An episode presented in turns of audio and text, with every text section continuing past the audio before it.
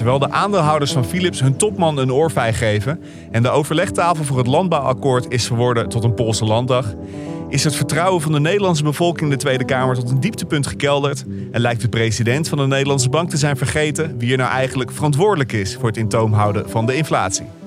Dit en veel meer bespreken we in de podcast waarin we je wekelijks bijpraten over het politieke spel, de knikkers en de knaken.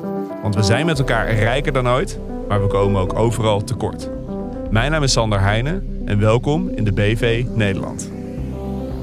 Het gaat niet zo goed met een aantal Amerikaanse regionale banken opnieuw. Het is een uh, vervolg van de bankencrisis eigenlijk die in maart al uh, begonnen is. Het vertrouwen in de Tweede Kamer is gezakt naar het laagste niveau in tien jaar tijd. Mochten we de rente nog veel verder moeten verhogen dan ik op dit moment denk... ja, dan is er maar weinig nodig om de economie in een recessie te brengen. Het plan voor de gratis kinderopvang wordt twee jaar uitgesteld. Wat, wat is er misgegaan? Het landbouwakkoord is niet geklapt. Ik vind het jammer voor de ouders.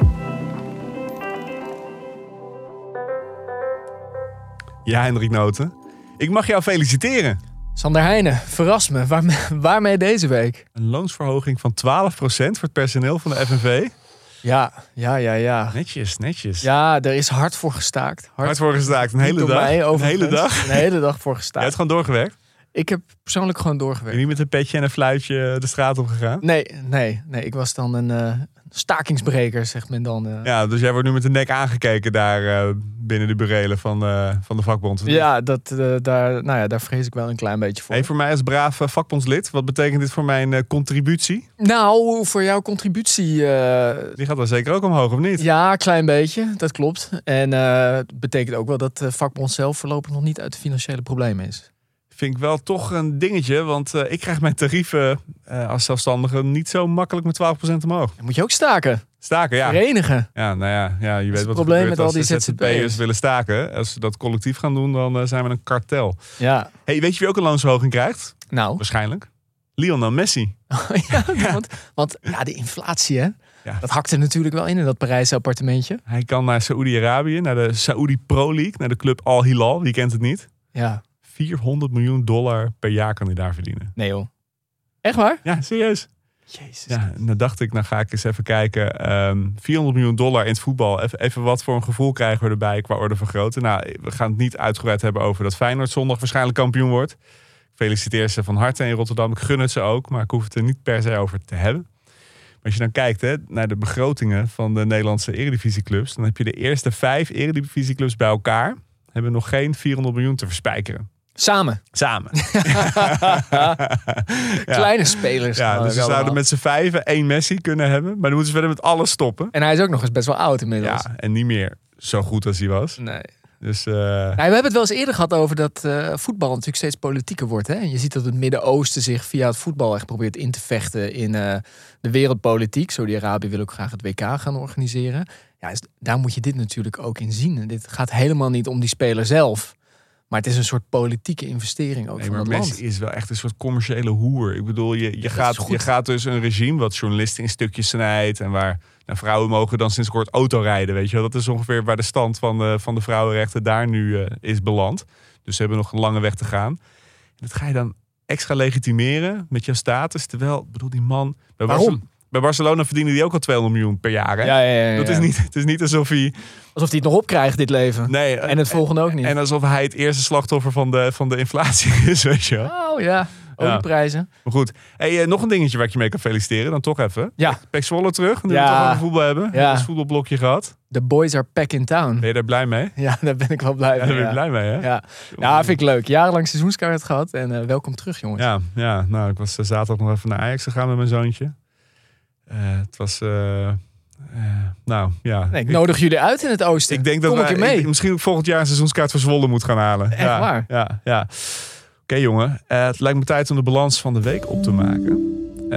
ja, ik zei het vorige week al, nieuwe vaste rubriek. Er is weer twee Amerikaanse banken in de problemen. Dit keer Pak West en Western Alliance. En het blijkt toch wel dat het gebrekkige toezicht op de Amerikaanse bankensector... dat er toch wel een vrij grote veemrand, tot een vrij grote veemrand heeft geleid. Eén dingetje, we gaan het er niet lang over hebben, maar één dingetje wat ik interessant vind. De les van de vorige crisis was je kan rust kopen in die bankensector door rekeninghouders te compenseren als een bank omvalt. Maar de aandeelhouders van banken, die worden niet gecompenseerd als een bank in de problemen komt. En nou zie je dus dat eigenlijk die, die banken in de problemen komen dat aandeelhouders on- onrustig worden en massaal aandelen van die kleine banken dumpen. Dus we hebben nu, ehm, eh, ja, we hebben nu eigenlijk die bankencrisis heeft een heel ander soort karakter gekregen. Dus ik ben heel benieuwd wat voor lessen daaruit eh, getrokken gaan worden op de lange termijn. En heel benieuwd wanneer dit ophoudt. Want je begint je nu wel zorgen te maken welke lijken er nog meer in de kast zitten. Ja, en dat, eh, ik denk dat we daar volgende week eh, met een Gaan- beetje pech gaan, gaan we het er volgende week weer over hebben. Hey, iets anders. We hebben het eh, wel eens uitgebreid gehad over dat ik de Philips topman Frans van Hout, ik heb in het draaiboek maar even samengevat een lul vind. Nee, in Dat, af- jou, dat de te- teleurgang van Philips jou soms pijn doet. Laat Nou ik het ja, zo formuleren. Precies. Aflevering 4, Poolse praktijk aan het Binnenhof en Vintage VVD. Daarin hebben we het aan het begin van de aflevering vrij uitgebreid gehad over zeg maar hoe Philips echt ten onder is gegaan door gebrek aan visie aan de top. En eh, nou, de Philips is afgelopen jaar 70% van de beurswaarde verloren. En is heel aanwijsbaar is dat. Hè, de, de, directe oorzaak is dat gedoe met die eh, slaapapneuapparaten. En die topman van Houten die wilde zijn bonus van 1,8 miljoen euro niet inleveren. Hè, de voormalige topman. Terwijl de rest van het bestuur dat wel heeft gedaan. En dan was er een aandeelhoudersvergadering. En 77% van de aandeelhouders heeft gestemd tegen het verlenen van decharge aan het bestuur. En in normale mensentaal betekent het heeft niet zoveel consequenties. Maar het is wel echt een. eh, Ah, het is eh, wel een afkeur. Het is echt een hele zware afkeuring. Precies, het is gewoon echt een draai om de oren. Ja. En echt, eh, jij deugt niet. Eigenlijk is dat wat die aandeelhouders zeggen. Ja, ze waren er ook woedend over. Ja, en dat is heel zeldzaam in grote, grote bedrijvenland. Nou, wil je er meer van weten waarom Philips niet deugt? Luister dan even het begin van aflevering 4 terug van deze podcast. Maar ik vind het toch dan mooi dat de aandeelhouders van Philips, het groot kapitaal, dat die eigenlijk mijn analyse nu eh, delen. Ja, jij vindt het gewoon fijn dat je gelijk krijgt. Ik vind, toch? vind ik ja. heel fijn, ja. ja, ja. Hey, jouw grote vriend Dennis Wiersma, minister van Onderwijs. ja, Jij was eh, ooit, eh, zei iets aardigs over hem. over de gratis schoollunches. Ik blijf het, blijf het benoemen. En toen kregen we meteen een boze reactie van een leraar die naar onze show luistert en zegt: Ik vind het heel goed, maar je zegt alsjeblieft geen aardige dingen meer over Dennis Wiersma. Nou heeft Wiersma eh, eh, nu een eh, plan gelanceerd om af te dwingen dat leraren na een jaarcontract meteen een vaste aanstelling krijgen. En nu is de VO-raad boos. Hè, dus zijn de werkgevers in het voortgezet onderwijs. Precies, precies. Die, zeggen, die betichten de minister letterlijk van stoerdoenerij. Hebben ze dat zo gezegd? Ja, want die zegt, ja, in praktijk doen we dit al lang. Weet je, doen het niet zo tof. Gaan er, kom eens met echte oplossingen voor het lerarentekort. Ik vind dat wel ook wel een beetje à la Wiersma, hoor. Om, Ja, echt even een probleem te gaan oplossen wat er niet was. ja, ja, gewoon ja, even, je makkelijk mee scoren. Dit heb ik geregeld Ja. en nu is het, uh, ja, nee. Maar ik vond het ook wel mooi dat gewoon VO-raad daar dan serieus op gaat reageren. Ja, nou, ik denk, uh, het zegt alles over de verhoudingen in de onderwijswereld. op dit Zeker, zeker. Hey, en dan uh, over verhoudingen gesproken. Vertrouwen van burgers in de politiek. Ja, het uh, CBS meet één keer in de zoveel tijd uh, het vertrouwen van Nederlanders in de politiek, in elkaar, overigens ook in grote bedrijven, et cetera. En dit jaar uh, viel het toch wel op. Het kwam deze week naar buiten het nieuws. Het vertrouwen van Nederlanders in de politiek ligt op het laagste punt sinds ze zijn begonnen daarmee te meten. En dat is 2012. Ja, ik wil zeggen, dat is niet 1938 geweest. nee, dat denk ik niet. Alhoewel, je weet het natuurlijk nooit. Maar toch wel echt wel, ja, aan de ene kant een heel opvallend bericht. Ik appte het naar jou. Jij zei meteen tegen mij, ja, eh. Ja. Hoezo opvallend bericht? Dat verbaast je toch, uh, dat verbaast je toch helemaal niet. Maar het is natuurlijk wel uh, zorgwekkend om te zien dat eigenlijk, ja, er worden geen verklaringen gegeven, maar ik durf daar best een beetje ja, speculeren over ja, te ja, speculeren. Vul het maar eens even in. He, dat het gekloot van de afgelopen anderhalf jaar in de politiek. Welk gekloot? De, welk gekloot, inderdaad. Dat dat nu, uh, ja, dat dat echt, echt schade begint uh, te creëren in dat vertrouwen. En uiteindelijk is toch, ja, dat vertrouwen, dat, daar draait het uiteindelijk wel allemaal om in een democratie. Ik bedoel, we kunnen doen alsof een democratie gaat over regels. Maar het bestaat alleen omdat we allemaal bereid zijn om eraan mee te doen. Precies, precies. Want democratie, dat komt eigenlijk neer op het idee de soevereiniteit. Hè? Dus de macht ligt in het volk, in de bevolking. En dat, kan, dat, dat krijgt uiting via een volksvertegenwoordiging. En dat kan dus alleen maar functioneren, democratisch, op het moment dat die bevolking daadwerkelijk vertrouwen heeft in de gekozenen, in die volksvertegenwoordiging. Precies. En ook zegt, ik accepteer ook de uitkomsten daarvan. Ja. Ik denk dat het een eerlijk uh, proces is. Ik nou zit ja. te luisteren naar een. Uh, ja, ik, ik kan niet de hele dag met nieuws bezig zijn. Dus ik zit uh, laatst te luisteren naar een college-serie over de oude Grieken. En ik moest hier aan denken, aan dit bericht, aan iets wat ik in die colleges hoorde. Het oude Athene, dat relatief democratisch was. Ik bedoel, je had allemaal slaven en vrouwen mochten ook niet stemmen. Dus het was, ze waren niet heel woke. Maar, of tot slaaf gemaakt, moet ik zeggen. Pre-woke was dit. Het was eh, vrij... eh, Behoorlijk pre-woke. eh, behoorlijk pre-woke. Ja, laten we het daarop houden. Maar, maar toen had je een kwestie. Athene zat op het hoogtepunt van haar macht. Die had een vloot gebouwd met 300 schepen. En die vloot was eigenlijk de macht van, van Athene. Daarmee konden ze, zowel bondgenoten als vijanden, konden ze koeieneren. Maar die vloot die was heel erg afhankelijk van roeiers. En die roeiers, dat waren een beetje de mensen het laagste in rang in de samenleving die nog wel stemrecht hadden. En eh, op een gegeven moment die Atheners, die wilden overal eilandjes een beetje veroveren om eh, landbouwgronden voor die roeiers eh, te realiseren. En die roeiers die stemden daar natuurlijk heel erg voor. Terwijl op een gegeven moment de, hogere klassen dachten, ja, dat is toch wel gevaarlijk aan het worden. Want hè, imperial overstretch, nou die term kenden ze nog niet. Maar wat nou als we een keer een oorlog verliezen? En dat is precies wat er daar gebeurd is. Dus, dus, dus de, die Atheense roeiers die wilden gewoon meer landbouwgronden hebben. En die wilden meer gebieden veroveren. En ook al was eigenlijk de hele ratio, was, eh, doe dat niet. Nou, zijn ze naar eh, Sicilië geroeid. Hebben ze daar een oorlog grandioos verloren. Vloot was vernietigd, want ze waren ook met de hele vloot gegaan in hun enthousiasme eh, van de volksvergadering. En dat was eigenlijk het, het begin van het einde van de macht van Athene. Maar ook het begin van het einde van de democratie daar. Ja, want de parallel zou een beetje zijn... als je dat volk gewoon te veel geeft wat ze wil... dan flikkert de boel in elkaar. Nou ja, dat is eigenlijk inderdaad, dat is inderdaad waar ik aan moest denken. En ik kreeg er meteen eh, een beetje een nachtmerrie van en koud zweet op mijn rug. Maar ik dacht, het is toch goed om het even te benoemen. Oké. Een klein stukje Griekse oudheid Nou, in ik, de vind het BV wel, Nederland. ik vind het wel mooi inderdaad. toch een het beetje verdieping, hè? Ja, eh, tot slot, en dat is misschien ook het bruggetje wel naar de volgende. eh, het vertrouwen in de banken en ook de grote bedrijven, want dat wordt ook gemeten. Dat ligt ook inmiddels behoorlijk laag Vertel. in datzelfde onderzoek. En blijkt ook uit het CBS. Oh, hetzelfde onderzoek. Sorry, Ja. we zijn nog in hetzelfde onderzoek. Ja, Ja, en nu, nu bouw ik het bruggetje voor je. Ja, nee, want hier wilde het gaan hebben over de klassenstrijd die live bij Buitenhof werd. eh, Ja, werd uitgezonden. ja, Ja, gebeurt zelden. mooi, hè? Zo'n keurig programma. Klaas Knot, president van de Nederlandse Bank. Ja, Die begon opeens dingen te roepen waar jij, eh, waar jij toch wel eh, kloppende aderen van in je nek krijgt, hè? nou inderdaad ja. En op dat voorhoofd zo.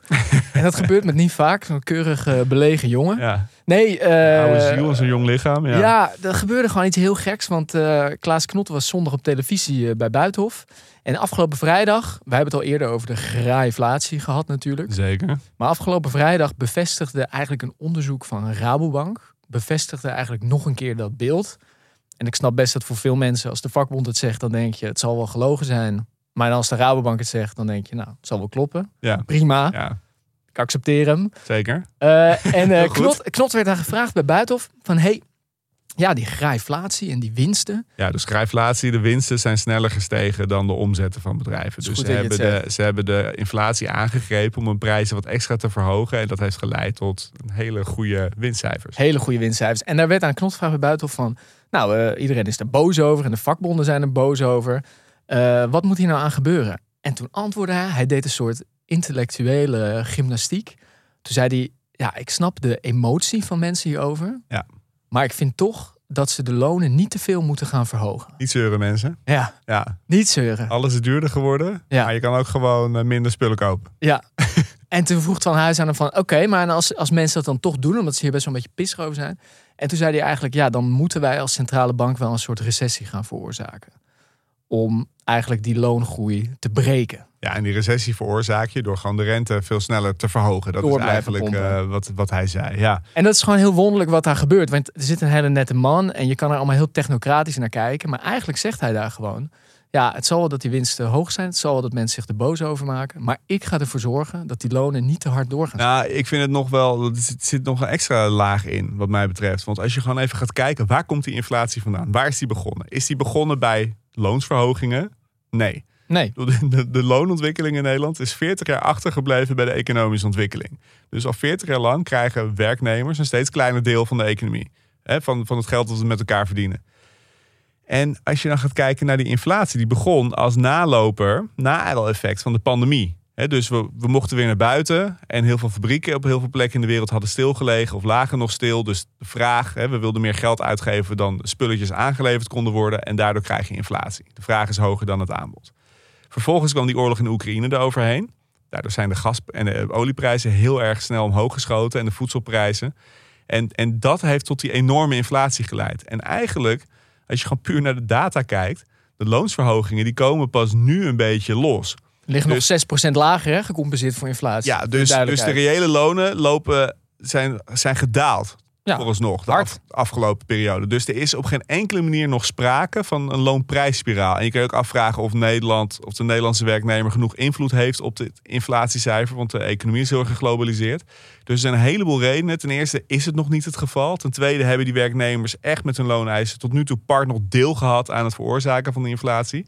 De verantwoordelijkheid voor het in toom houden van de inflatie ligt bij de centrale banken, bij waar eh, de ECB, waar eh, Klaas Knot onderdeel van het bestuur is, zijn verantwoordelijkheid. En hij heeft veel te ruim monetair beleid gevoerd de afgelopen jaren. Dat is eigenlijk ook een een onderdeel daarvan. En dat je het dan nu gewoon zo eenzijdig durft neer te leggen bij... ja, inflatie, ik snap de emotie, maar gewoon bek houden... en, eh, en genoegen nemen met, eh, met max 6, 7 procent. Hoog Marie-Antoinette gehalte, toch? Ja, dat is een beetje... Ja, daar, daar kunnen we ook weer discussie over Oké, voeren. kunnen we discussiëren. dat gaan we niet doen. Saillant detail hierin is overigens dat dus zowel het personeel van de Nederlandse bank zelf, van de organisatie, Die willen gewoon plus 10 procent. als van de Europese Centrale Bank, daar eh, hangt ook stakingsdreiging in de lucht. Want die willen dat hun lonen gecompenseerd worden met de inflatie. Dus ja, Misschien eerst maar eens even een interne gesprek voeren... voordat je eh, stoer gaat doen op televisie. ja, nou vooral de temperatuur van het badwater een beetje aanvoelen, denk ik. Want of dit nou gaat helpen bij die emotie, tussen aanhalingstekens. Ja, Hendrik, jij, jij maakt je boos over Klaas Knot. Maar er is iemand die zich nog bozer over maakt, hè? Zeker. Het goede nieuws is dat hij ook een podcast heeft. Hoe heet die podcast? Eh, Waanzinnig Land. Johan Frets, eh, zijn aflevering deze week ging ook over eh, Klaas Knot. Renske Leijt, SP-Kamerlid, is ook te gast. Dus wil je nog iets stevigere tekst horen, zou ik zeggen, check Johan ook even. Ja, als je dacht dat wij mannen met een mening waren, dan Ja, moet je moet naar je Johan Johan- luisteren. Ja. Ik vind het wel heel leuk. Ik luister met plezier naar hem. Ik ook.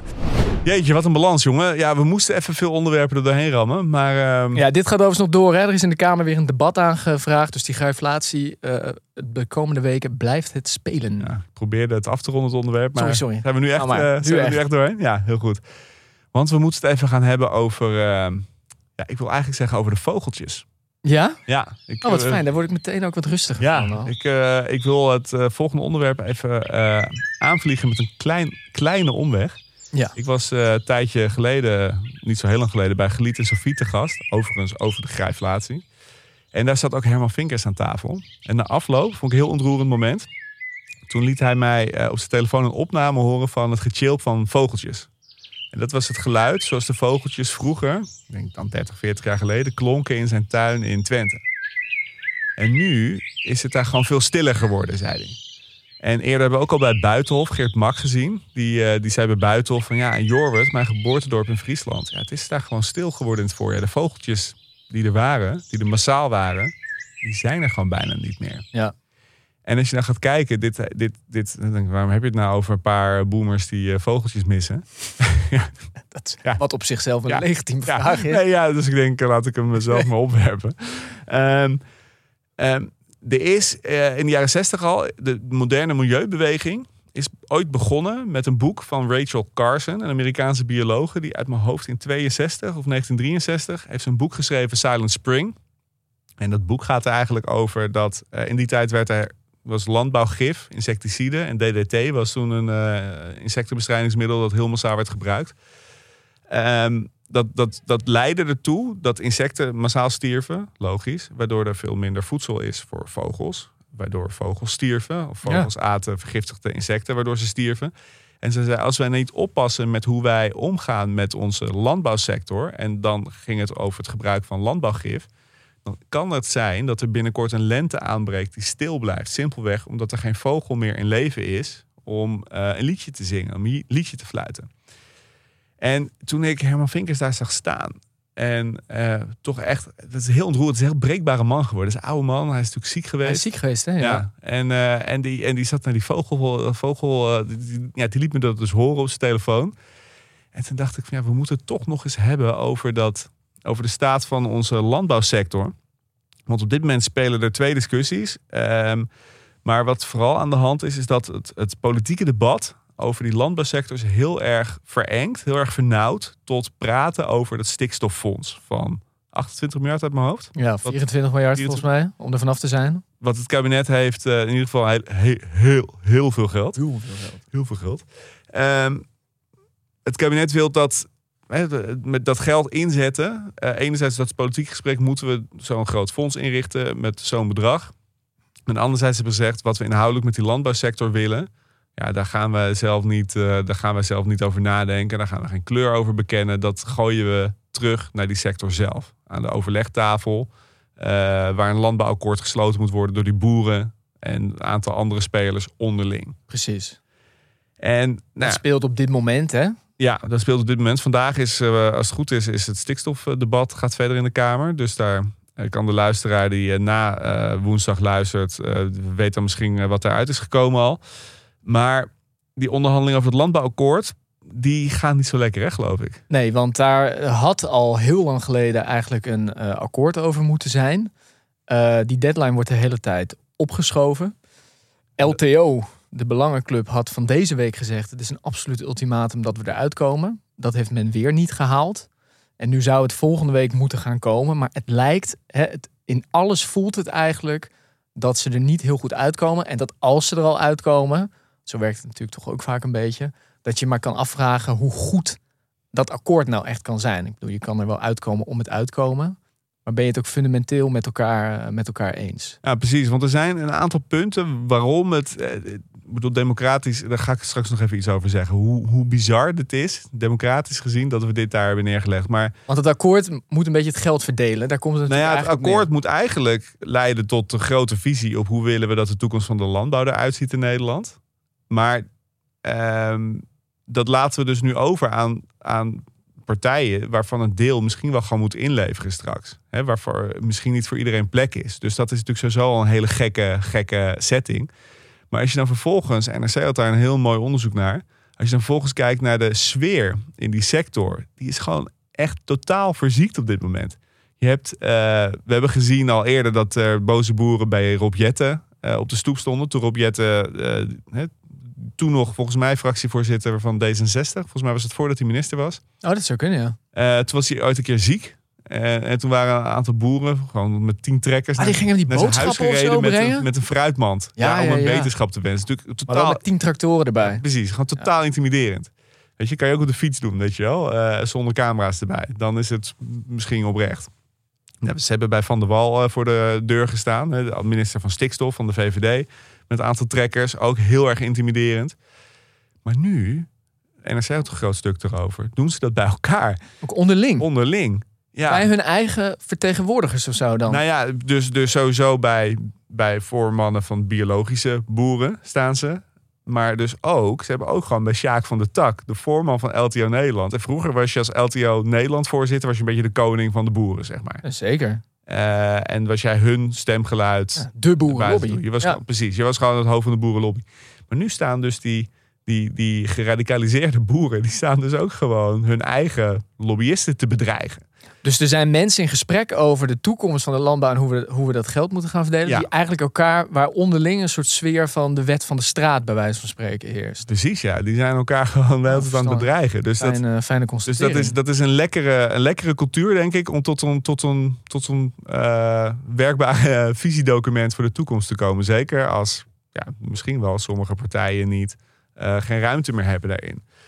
Nou, ten, eh, een volgend punt waarom eh, dit lastig is, omdat dat debat zo vernauwd is tot stikstof. Ehm, ja, als we het daar dus over gaan hebben en het stikstoffonds en alleen maar gaan kijken hoe kunnen we een landbouwsector bouwen waar niet zoveel stikstof uitkomt, ja, dan heb je dus een aantal dingen die ook spelen in die landbouw, die nog niet tot een rechtelijke uitspraak hebben geleid, maar dat misschien wel gaat komen. Die, je hebt het risico dat dat helemaal niet geadresseerd wordt. Dus we hebben het over het gebruik van landbouwgif. Hè? Dat is de reden dat de vogeltjes steeds minder fluiten. Dat komt niet zozeer door stikstof. Ja, misschien ook wel omdat ze leefgebied eh, kwijtraken. Maar toch ook omdat er gewoon te veel insecten worden doodgespoten. Nog steeds. Eh, we hebben het over watervervuiling. Daar hebben we natuurgebieden heel veel last van. 99% van het Nederlandse oppervlaktewater voldoet niet aan de... ja, het meest noor- vervuilde oppervlaktewater van Europa. Precies. Maar 99% van de, ons oppervlaktewater is te vervuild. Om, eh, ja, wat eigenlijk, ja, zo om te drinken. Maar om aan de Europese normen te voldoen. Waterstanden, hoe hoog of hoe laag moet het water staan? En nou, het lijkt een technische discussie, maar boeren die hebben graag in het voorjaar de waterstand relatief laag. En boeren hebben heel veel te zeggen in waterschappen in Nederland. Die hebben dat laag, zodat ze eerder met hun zware trekkers het land op kunnen. Kunnen ze een hogere opbrengst halen. Maar dat heeft consequenties. Ten eerste in de zomer, als er droogtes zijn. Als je die waterstand in het voorjaar hoger houdt, dan hebben de natuurgebieden in de zomer heb je veel minder last van verdroging. Omdat er gewoon meer waterreserves in de grond zitten. En dat is ook hoe het eigenlijk natuurlijk behoort te zijn. Maar ten tweede, een stad als Gouda, die hele binnenstad, is dus aan het afzinken omdat die waterstanden van al dat grasland eromheen, dat veenweidegebied, die worden gewoon door die boeren veel te laag gehouden. Waardoor heel veel, Afzinken is? Verzakken. heel veel verzakking is. Ja, ja. ja, Dus we hebben nu in Groningen, eh, hebben we nu na 40 jaar aardbeving eh, door gasboring, hebben we nu eindelijk een soort van compensatiefonds ingericht. Vorige week ook over gehad hoe je daar ook naar kan kijken. Bijvoorbeeld in zo'n plek als Gouda, daar heb je dus gewoon heel veel verzakkingen. Wat gewoon linea recta is terug te brengen op het water. Maar bedoel, bedoel je dan dus dat mensen die elkaar aan het bedreigen zijn en onder druk aan het zetten zijn, zijn tegelijkertijd eigenlijk aan het onderhandelen over eh, natuurbelangen die uiteindelijk veel meer raken dan alleen die boerensector en dat stikstof. Nou ja, dat is dus de essentie eigenlijk. Hè? Want dit gaat over ons voedsel. Dit gaat over, eh, nou, in, nou, in sommige gemeentes eh, heb je het recht dat je huis gewoon normaal blijft staan. Dit gaat over natuur. Maar is dat akkoord dan wel, ik bedoel, is dat dan überhaupt wat er nu gebeurt wel een goed idee? Moet dit niet gewoon in het parlement dan gebeuren? Nou, dat, dat is eigenlijk het punt waar ik naartoe wilde. Oh, sorry. Dat is eigenlijk het punt waar ik naartoe wilde gaan, ja. Dat zie je Ja. het als een aansporing. Nee, want als je, ja, je, je, je, je zegt het duurt lang, hè? Dat is eigenlijk Dat laat ik aan de luisteraar Ja. om dat te beoordelen. Duurt lang, duurt lang.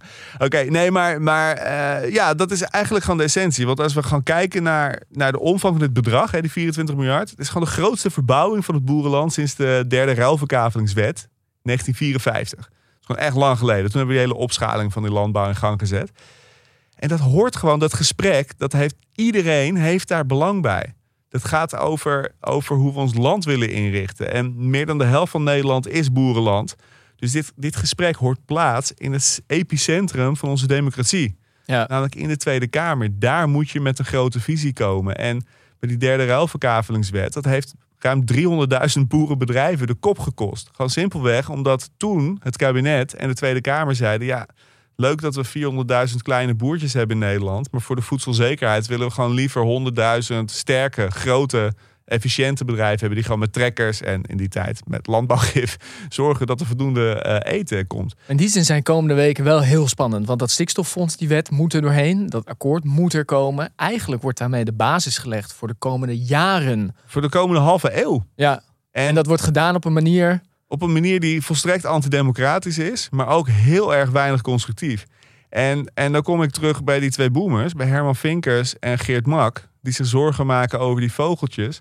Als je nu kijkt naar hoe we dit debat hebben ingericht eh, en hoe we deze besluitvorming hebben ingericht, dan is de kans, en ik ben niet de enige die dat zegt, hè, de Algemene Rekenkamer, de Raad van State, het Planbureau voor de Leefomgeving, die waarschuwen daar ook voor, dat, dat er gewoon de kans heel groot is dat we straks 24 miljard hebben uitgegeven aan de verduurzaming van de landbouw. En er geen vogeltje meer om is gaan fluiten. Damn. Ja, Ja, om te volgen de komende weken. dat lijkt mij ja. Echt. Dus, dus hier staat echt iets op het spel. En hier moeten we als samenleving eigenlijk allemaal wat van vinden en ons veel uitgebreider mee gaan bemoeien. Spannend. Oké, jongen. Ehm, en dan gaan we het zo hebben over eh, een sector die jou eh, steeds nader aan het hart gaat liggen, namelijk de kinderopvang. Ja, Hendrik, heb jij al een eh, bakfiets aangeschaft? nee, nog niet. Nog niet. Ga jij eentje kopen? Nou, ik, nu op korte termijn niet. Maar ik, ik kan niet ontkennen dat ik al eens een blik op Marktplaats heb geworpen. Kringen zijn duur, hè? Jezus. Niet normaal. Ja. En ik dacht dus van... ja, dat- Maar, maar jij, hebt- jij krijgt 12% loonsverhoging, dus jij kan het leiden. Ja, dat is waar. Ik kan het wel eh, leiden. Maar die inflatie, hè. Nee, eh, ehm, eh, dus ik dacht van ik doe geen elektrische. Maar ik heb ook ontdekt dat die er bijna niet, niet zijn. Gewoon bijna al die dingen worden nu elektrisch gemaakt. Ja, maar die dingen die zijn ook echt niet te fietsen als ze niet elektrisch zijn, hoor. Oké. Dan een paar eh, van die eh, groter wordende koters erin hebt van boodschappen. Ik heb, ik heb er wel... eh 15 jaar geleden zag je ze nog vaak niet elektrisch. Ja. Maar die mensen kwamen bezweet op hun werk aan. Ik heb overigens... En dan gaan Als je we... mij nu jouw bakfiets gaat verkopen, dan wordt dit een heel... Ik eh, heb de particulier hele kindertijd van mijn kinderen heb ik zonder bakfiets eh, doorstaan. En dat is prima te doen, kan ik je vertellen. Oké. Nou, ehm, mochten de luisteraars zijn met tips, ik eh hou me echt aanbevolen. Nee, ik eh, wilde Tweedehands bakfiets. zeker. Ik wilde het hebben over de kinderopvang. We hebben het er al eerder over gehad. Maar toen hadden we het eigenlijk vooral over de private equity in de Precies. kinderopvang. Precies. En er is in de tussentijd nog het nodige gebeurd. Ehm, eh, De kinderopvang zou gratis worden. Wordt die voorlopig niet? wordt die voorlopig niet. Eh, het is eigenlijk met twee jaar uitgesteld, minimaal. Maar de vraag die ik eh, wilde opwerpen, en waar ik het met jou ook over wilde hebben, is of dat uitstel eh, erg is. En of het als van dat voor mij niet, uitstel. voor jou wel. Nou, en of als van dat uitstel afstel komt, of dat dan ook erg zou zijn of niet. Want dan kan je wel wat vragen bij. eh, Verklaar je nader. Want, eh, want het feit dat jij deze vragen stelt, dat doet mij vermoeden dat het antwoord is: is dat erg? In jouw geval dat je dat met nee gaat beantwoorden.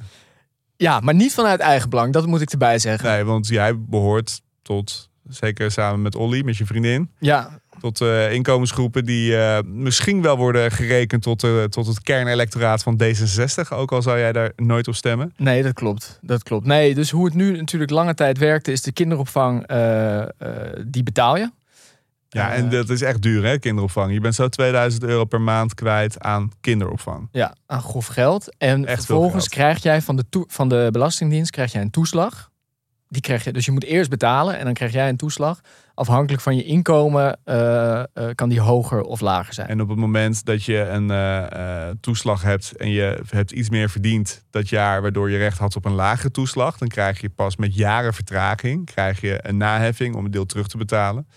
En nou, dat is een van de grote problemen van het toeslagensysteem. Dat mensen jaren later opeens 24.000 euro kinderopvang terug moeten betalen. Dat soort, over dat soort bedragen hebben we het dan. Precies. En daarom wilde eh, het kabinet was van plan om twee dingen te doen. Ten eerste wilden ze van die toeslagen af en wilden ze de kinderopvang, zoals dat dan ambtelijk heet, direct gaan financieren. Ja, dus gewoon geld aan die crashes geven in plaats van dat via die ouders te doen. Dus Ja. dan val je mensen niet lastig met die enorme bureaucratie. Op zich En dat een is be- goed idee. Goed idee. En ook belangrijk om te weten dat daar is een jarenlange strijd in die sector aan vooraf gegaan. Omdat die kinderopvangorganisaties, zaten daar helemaal niet op te wachten. Nee, dat vind ik interessant. Want die, waarom?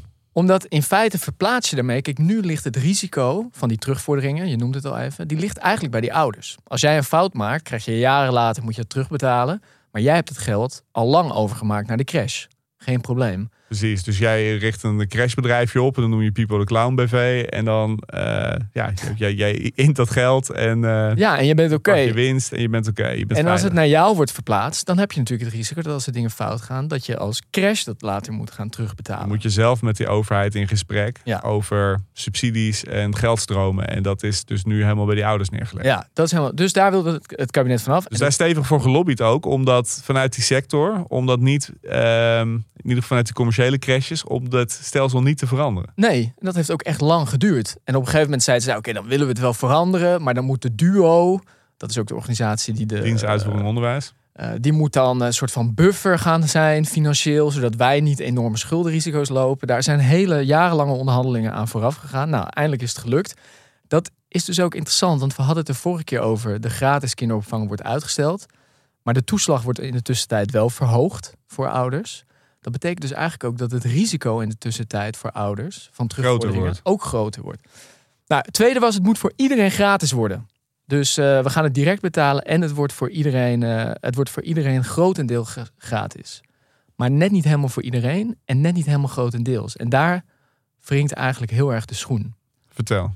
Het eerste is dat het kabinet het alleen voor werkende mensen gratis wilde maken. Wist je dat? Eh, ja, dat wist ik wel, ja. Ja. ja. Ja, want als je niet werkt, kan je net zo goed zelf voor je kinderen zorgen. Ja. Eerst op zich zit er, zit een bepaald soort logica in, toch? Op een bepaalde manier zit daar een logica in. Behalve dan dat vooral kinderen van niet, of van niet werkende ouders, de kinderen er heel erg veel baat bij zouden hebben voor hun ontwikkeling. Dat ze niet te veel worden blootgesteld aan hun eigen ouders. Ja, nou ja, het is pijnlijk hè, als ik het zo formuleer. Ja, maar het, er zit natuurlijk wel een kern van waarheid in. Als, als, als jij woont zeg maar, in een sociaal-economisch eh, zwakke gezin, veel Ja, dus werkloosheid, je ouders zitten in de bijstand omdat ze alcoholverslaving hebben. Dan heb jij als kind misschien baat bij. Dat om met jij... jouw kinderen wel naar de crash te gaan bijvoorbeeld. Voor het kind zou je daar baat bij hebben. Ja, dus je kan er echt op twee manieren naar kijken. Eh, het tweede punt is dat het niet helemaal gratis wordt, maar voor 96% van het maximum wettelijk tarief, zo heet dat dan. En dat betekent eigenlijk dat crashes kunnen zelf nog een soort stukje extra op het tarief plaatsen. Maar je krijgt niet het helemaal vergoed. Ja, en er zijn te weinig crashes. Dus eh, als jij kinderen in de opvang wilt hebben, dan, eh, dan is er altijd minder aanbod dan dat de vraag is.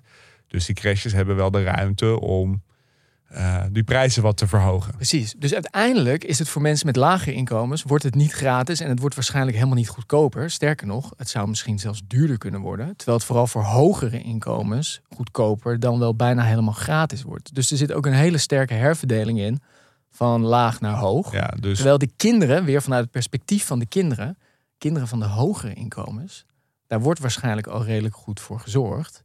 Terwijl je weer wil dat de kinderen van ouders met lagere inkomens, dat die eh, eh, naar de crash gaan. Oftewel, eigenlijk in de plannen van het kabinet wordt er heel veel geld uitgegeven voor een kinderopvangplan, waar vooral de kinderen van hogere inkomens meer van gaan eh, profiteren.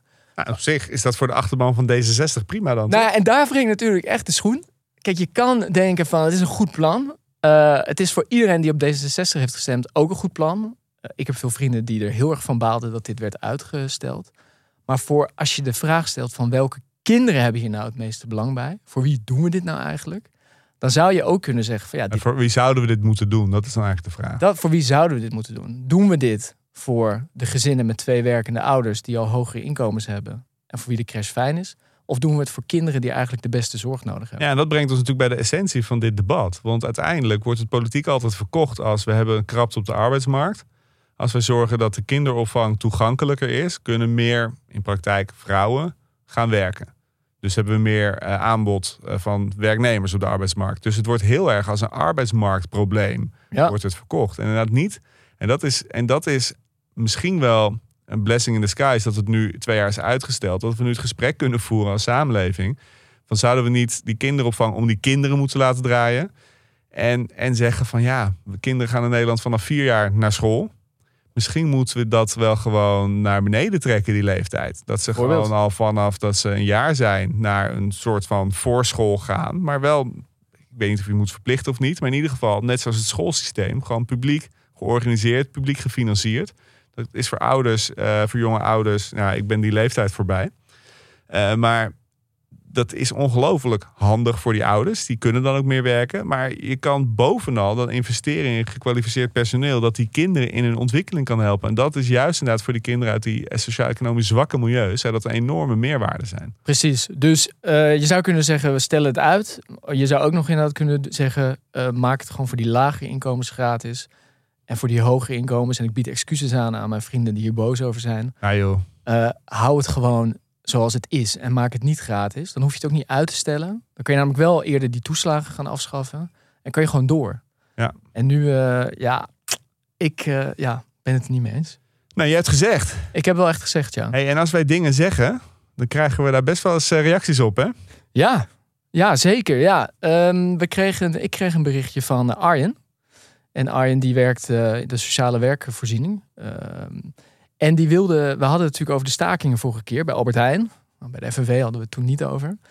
Eh, en hij wilde, vroeg of wij ook aandacht voor wilden vragen dat ook in de sociale werkbedrijven, dat daar ook actie wordt gevoerd. Ja, maar dit zijn een beetje de meest kwetsbare werknemers van Nederland. Zijn er 75.000 Ja, mijn hoofd? zoiets. Echt veel. Eh, het zijn natuurlijk mensen met een arbeidsbeperking. Mensen met de laagste inkomens van het land. Ja, en die voeren daar ook actie omdat zij willen dat hun eh, loon ook met 10% eh, omhoog gaat. Of met de inflatie. De ambtenaren, namelijk de gemeenteambtenaren, dat lijkt heel erg op hun, lijkt niet op hun werk, maar het valt in dezelfde sector. Die hebben forse loonsverhoging gekregen. En zij willen dat ook. En hij zei, ja, het gaat niet vaak over ons. Wil je daar aandacht aan besteden? Nou, bij deze. Bij deze, ja. En ik vind het dan toch ook wel, eh, Arjan, ik vind het toch wel schandalig dat de vakbond wel voor zichzelf al 12% heeft gegeven. Nou, maar dan niet voor jullie. Flikker op, man. ja, jongen. Ik, eh, ik wil het toch even noemen. Ehm, en dan, eh, nu ik je toch weer boos heb gemaakt, is het tijd voor de vrolijke noot. Ja, ik zit wel heel... Ik, het is wel een hele particuliere aflevering is het eh, geworden. Ah joh, hè. Goed nieuws deze week. De NIPT-test is vanaf nu eh, gratis. Weet je nog wat de NIPT-test is? Zeker, dat is de, eh, de, de test die je na eh, 20 weken of 12 weken... je kan een test doen eh, op de embryo of de foetus. Ik weet niet meer precies waar die grens ligt. Maar in ieder geval eh, kan je laten kijken of er allerlei eh, ziektes... Ja. en eh, Genetische syndromen, afwijkingen. genetische afwijkingen in je kind zitten... En ik heb daar destijds twee keer flink voor moeten dokken. Sterker nog, ik heb voor mijn eerste kind... toen was het nog verboden om dat te doen in Nederland überhaupt. Oh ja? Ja, dus dan moest dat via België. Oh, dat oké. En Dus dat- Je bent niet naar Georgië gereden of Nee, zo? nee, nee, nee. En ze namen dan wel, ze konden dan wel die test hier, zeg maar de punctie die ervoor nodig is, die konden ze wel gewoon hier doen. Maar dan moesten ze het sample opsturen naar een lab in België en dan kreeg je die factuur vanuit België. Jesus. Dus eh, ja, dus, dus op zich er is er vooruitgang ook. Ja, is vanaf jaar. nu gratis, kostte 175 euro. Ik ben daar dus helemaal voor, omdat eh, alles wat je aan gezondheid zeg maar, kan doen aan het begin eh, voor gezinnen, dat, dat betaalt zich drie dubbel uit in de rest van het leven. En dat ge- geeft je gewoon ook heel veel rust. Ook als die eh, test, meestal is het natuurlijk gewoon goed. En dat geeft je heel veel rust als eh, aspirant ouder. Ja, dus goed nieuws. Nou, maar jij hebt hem wel nog gewoon betaald, toch? Denk ik. Ik moest hem nog wel voor betalen. Ja, Heel goed. Ja, dat vind ik dan ook wel weer geruststellende gedachte, ja. Oké jongen, dan lijkt het me tijd om eh, een einde te maken aan deze aflevering. Maar niet voordat jij hebt gezegd dat. Zeg ik eh, dank voor het luisteren. Volgende week zijn we er weer. Heb je vragen? Dat kan dan eh, door te mailen naar bvnederland.creator-podimo.com. Het staat ook in de show notes. Of zoek ons op. Instagram, @bvnederland of LinkedIn. Hendrik Noten, Sander Heijnen. Deel deze aflevering vooral met anderen. Dus daarmee gezegd, tot volgende week. Tot volgende week jongen.